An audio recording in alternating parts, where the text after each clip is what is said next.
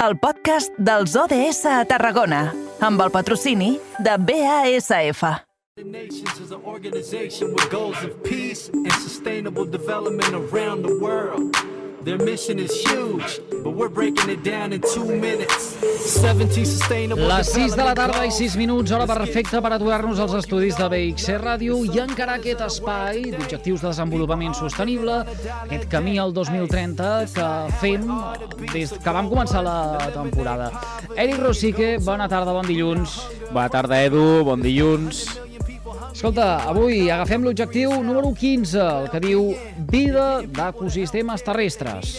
Doncs sí, Edu, i anem fins a Altafulla, eh? anem a casa teva perquè Sí, parlem de l'Associació Mediambiental La Sínia que commemoren el seu 25è aniversari. Han complert 25 anys i aquest dissabte van celebrar aquest quart de segle fent un seguit d'activitats per a infants i adults a l'ermita de Sant Antoni d'Altafulla, una associació molt important, sobretot per la recuperació de la desembocadura del riu Gaià com a objectiu principal que tenen. Per parlar-ne tot plegat, convidat a l'Héctor Hernández, coordinador de l'Associació Mediambiental La Sínia. Héctor, molt bona tarda i benvingut a l'espai dels ODS de les ràdios de la xarxa del Camp de Tarragona. Hola, bona tarda. 25 aniversari, es diu aviat. Sí, tu, quan fas aquesta reflexió mirant enrere, doncs fa, fa cosa, però és allò que diem, eh, que està bé aturar-nos. És igual 25, 26 que 24. La qüestió és aturar-se, eh, pensar una miqueta, que és el que hem volgut fer aquests dies, xerrar amb molta gent i continuar. Mm -hmm. En quin moment us trobeu? En aquest quart de, de segle en el que diem que lluiteu per la recuperació de la desembocadura del, del Gaia, aquesta llarga lluita.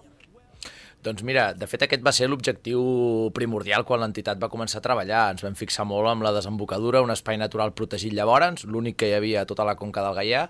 Actualment, 25 anys després, l'entitat ha fet un salt, tant en massa social com en objectius. Actualment estem treballant a tota la conca del riu Gaià i, per tant, el que intentem, el que volem és difondre els seus valors naturals i reclamar-ne la màxima protecció i preservació. Per tant, 25 anys després, eh, i sempre mirant la desembocadura com a referent, el, el nostre treball a tota la conca del Gaià.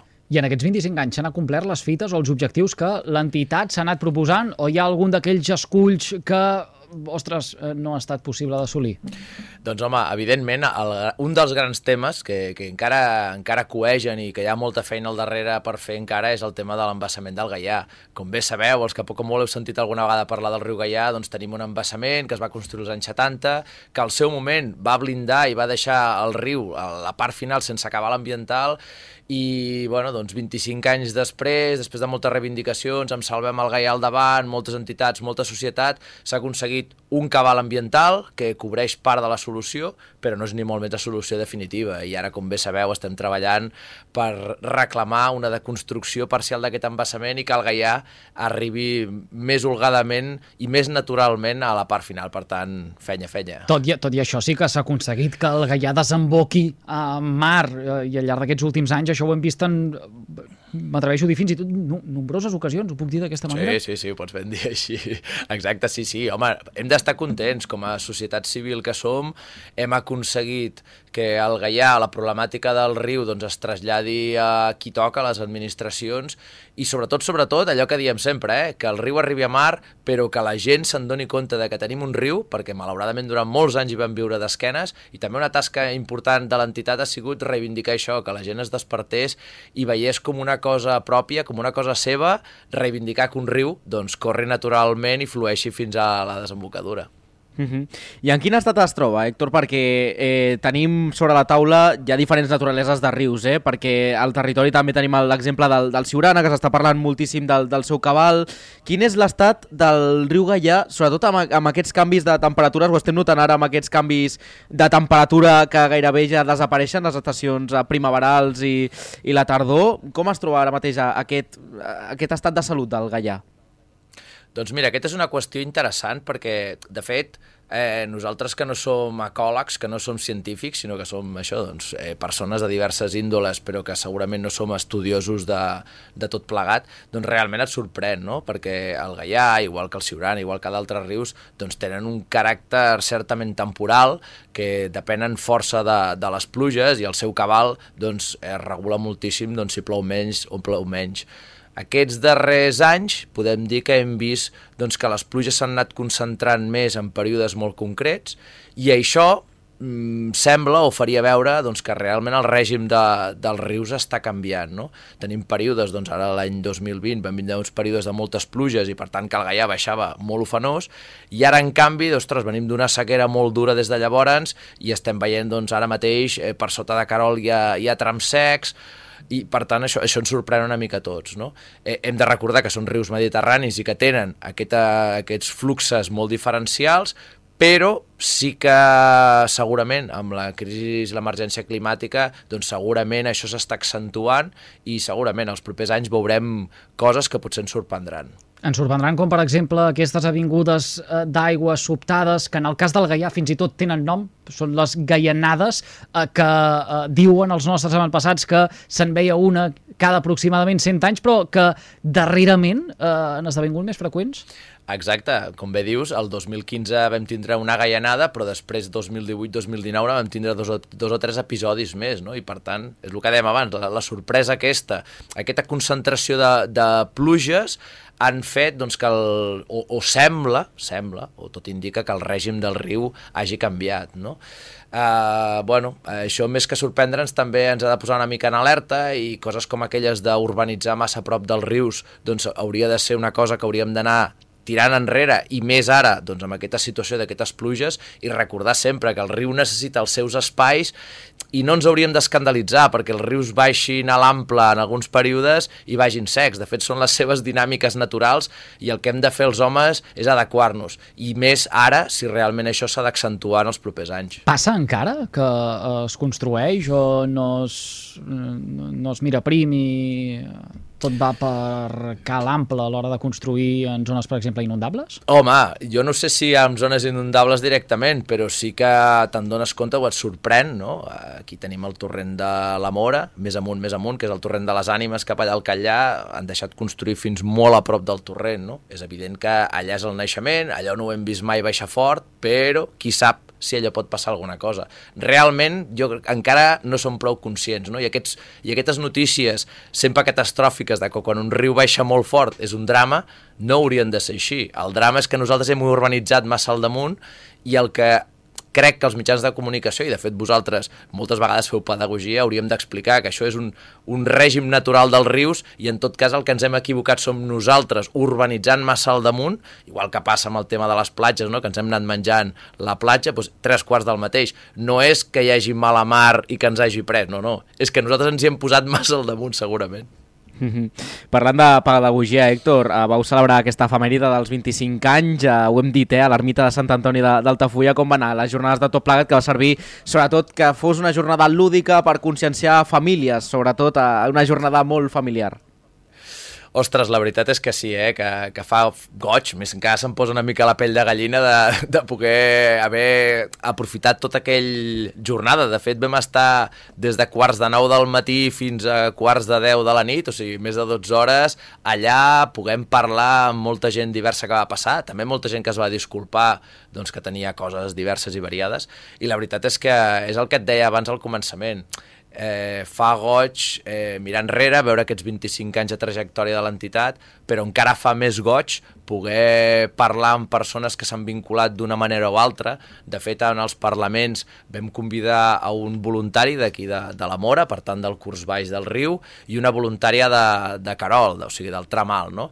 I va ser molt emotiu poder escoltar dos, dos persones que poc o molt han participat en accions de l'entitat, com m'explicava la seva experiència, no? I aquest contacte amb la natura i com doncs, des d'una entitat modesta com la Sínia doncs, els ha ajudat això, a, a veure d'una altra manera la natura. No? Per tant, més enllà de la festa i dels números i de tot com va anar, que va estar molt bé, doncs segurament quedar-nos en, a, en aquest punt de social, de, de punt de trobada i d'intercanvi entre les persones que estàvem allà. Mm -hmm. És que és molt important, després de, de la pandèmia, tornar-nos a retrobar. De fet, fa una setmana vam tenir també el Víctor Álvarez d'Ecologistes en Acció parlant-nos dels líquens, també fent una mica de, de pedagogia presencial. És a dir, que això, eh, aquestes trobades serveixin realment per consciència, que és la manera en la que potser aprenem més no, els humans. Exacte, sí, sí, els petons i les abraçades que no faltin i, i poder debatre i discutir. Ostres, te'n recordes quan vam anar allà a reivindicar el riu? O quan vam alliberar aquella tortuga? I, ostres, aquest, aquest tocar-se amb la gent, de tornar-se a veure, és, és impagable.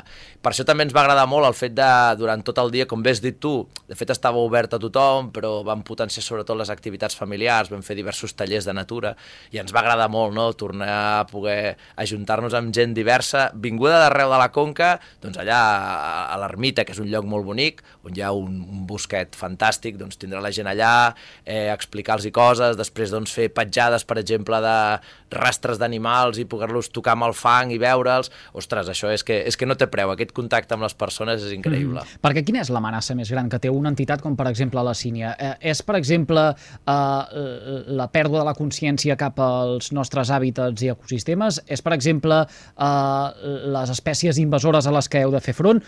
O, o és el fet que de vegades la massa social i el voluntariat amb el que esteu acostumats a treballar no és suficient per poder executar tots els projectes que voldríeu? Mira, jo crec que entitats ambientals com la Sínia i que, per sort, al nostre país ne tenim unes quantes i que estan fent una feina brutal a tot el país, segurament moltes vegades patim per, per les nostres pròpies estructures. Uh, el dia a dia és molt dur i difícil, uh, ens financem de moltes maneres diferents, però sempre més enllà de tot allò que fas, sempre has d'anar ballant i mirant enrere que no, no et deixi res, no? que no et descuidis res. Per tant, segurament, la, fragilitat més forta de les entitats és el finançament i, i com mantenir l'estructura. Eh, la Sínia va néixer amb un grup de voluntaris voluntàries, en un moment donat fa el salt a la professionalització, ara mateix hi ha sis persones que treballen de manera regular, no a jornada completa però sí diverses hores, i això fa que evidentment es puguin afrontar projectes més grossos que al començament. Però clar, això també té una sèrie de hàndicaps que s'han de tenir en compte i que segurament és el que ens fa patir. Tot l'altre al final és que flueixi i que l'entitat, doncs, dintre de la mesura del possible, doncs, faci no, els seus projectes i de més.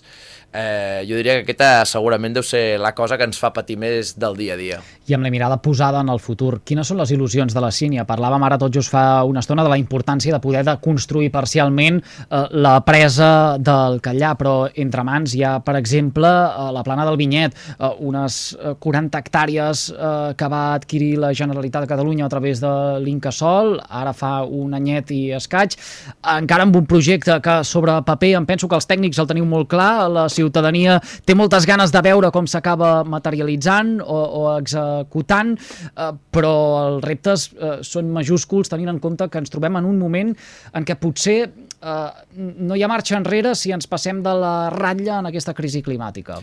Doncs mira, la veritat és que tu ho dius clarament. A nivell de, de projectes com a entitat, eh, aquesta visió global de Conca, eh, tant projectes com el Vinyet, com d'altres accions riu amunt, requereixen, creiem, d'una protecció encara més àmplia de la que té. Per tant, la reivindicació que tenim damunt de la taula i que els propers 25 anys ha de ser una de les lluites ha de ser la creació del Parc Natural del Gaià. Eh, potser amb un pas previ que podria ser un consorci, digue-li el nom que vulguis, però creiem fermament que ara mateix a la Conca del Gaià, que hi ha diversos espais naturals protegits, necessita d'una unificació que faci que a nivell de gestió això tiri endavant, que hi hagi un consorci en el qual hi hagi una estructura més seriosa que realment apliqui mesures de conservació i que facin factible doncs, això el que estem veient aquí baix, no? un, un turisme que ha de ser més racional, més responsable i això l'única manera és, és fent aquesta protecció. Per tant, segurament aquest seria un dels primers objectius. El segon i molt clar, aconseguir aquest cabal definitiu del riu amb aquesta deconstrucció parcial de l'embassament i també mirant cap a casa, com a entitat l'hem d'enfortir, hem de tindre molts més socis i sòcies que facin que, que l'entitat tingui una mica més d'independència a l'hora de poder fer accions. I això els ajuntaments s'ho creuen? Ho, ho dic perquè eh, el debat, per exemple, a nivell subcomarcal, i, i mm, poso èmfasi en aquesta paraula, subcomarcal, eh, ja hi ha sigut, per exemple, en la, les poblacions del eh, Baix Gaià, sobre el fet d'esdevenir o no, per exemple, una comarca independent del eh, Tarragonès. Quan això es vincula a, en el que acaba eh, esdevenint la vall del Gaià, no sé si té més força que no pas a l'hora de parlar tècnicament d'una altra figura administrativa. No sé si m'explico. Sí, sí, t'entenc, t'entenc. Segurament serien dues coses diferents i segurament arribar a una figura de protecció a la situació com tenim la Conca del Gaià és molt senzilla, perquè de fet el primer pas és unificar tot el que són espais naturals. De fet, a la Conca del Gaià tenim costes del Tarragonès, que seria la part de baix, Riu Gaià, sistema prelitoral central, tot això són espais naturals que ja existeixen i el que estem plantejant és de lògica unir-ho tot en un espai que sigui Riu Gaià, estem parlant de gairebé 15.000 hectàrees, en la qual això dongui potència precisament als ajuntaments per ajudar-los a gestionar. Eh, si ara vingués, per exemple, l'alcalde Carol aquí, doncs et diria que realment és necessari per un espai natural gran com tenen allà el sistema prelitoral central que s'unifiqui i que tinguin recursos per poder dur a terme tot allò que volen per protegir-ho, és bàsic, no? I per tant, és una reivindicació segurament diferent a la que es va plantejar al seu moment com a comarca, per nosaltres més senzilla i que de fet avui en dia si parles amb els 20 i pico municipis que es veurien afectats per una cosa com aquestes, crec que pràcticament tots, i ara no vull parlar en nom de ningú, però per les sensacions és que això pot caminar. És evident que estem dient una cosa, ostres, estem parlant de 20 i pico municipis, 5 comarques, estem parlant d'una cosa, d'un àmbit ampli, però crec que amb ganes de treballar i voluntat i veient les coses xules que, que això ens pot aportar, un parc un consorci del Gaià, un consorci del, de, del riu Gaià eh, és, és factible. Doncs uh, estarem al cas. Mentrestant anirem fent els deures Vinga, sí, home, sí, sí, tant, sí, sí. N'hi ha, ha de deures per fer en aquest... Uh, mentre no esdevingui això? Tenim llista de coses, home. És evident que, que hi ha molta feina a fer i realment, el que tu deies abans, no, amb implicació als ajuntaments, també en aquests 25 anys hem gaudit de veure com molts ajuntaments han canviat la seva, la seva manera de pensar vers el territori i ara tenim alcaldes i alcaldesses que hi creuen, no? que, que veuen en la conservació del territori una oportunitat. També segurament, a vegades vinculades amb allò que diem del turisme, no? de, de fer visitable el teu entorn i aprofitar allò que tens. Però en això la sínia sempre el que els demanem és aquest turisme responsable, que no és fàcil, perquè és molt tentador a vegades ensenyar, no? Ara, ahir o abans d'ahir hi havia un article en algun diari que parlava dels 12 millors gorgs de Catalunya. Bueno, doncs això precisament segurament és el que no hauríem de potenciar, d'explicar tot i fer-ho tot massa fàcil. L'entorn natural té zones que són visitables fantàstiques i zones que potser petites joies que millor que quedin així com a petites joies que no s'hi pugui arribar. No? I en això jo crec que els ajuntaments, que són els que estan més a prop del territori, tenen un paper important en la conservació. Per això, allò, això que et deia de la figura aquesta de, del parc natural en la qual els ajuntaments hi siguin vinculats. Es pot posar una data? I a mi ja m'agrada, ja saps que m'agrada, Héctor, de... Mm, és un pesat, eh, tio? Sí, sí, assenyalar sí, sí. dates a, a, a l'agenda. doncs mira, ens, jo crec que ens hem marcat com a repte, eh, va, eh, parc natural no ho sé, però consorci del riu Gaià, per què no pels 30 anys? Vinga, aquí te la llenço. En parlarem. Aquí te la llenço. En parlarem. Serà, no sé, ja la, la de, desena temporada de Carrer Major. Eh? Vinga, va, perfecte, veus que bé. Héctor Hernández, coordinador de l'Associació Mediambiental La Sínia, gràcies un cop més per acompanyar-nos. Moltes gràcies a vosaltres per parlar-ne. Que vagi molt bé. Adéu. Adéu.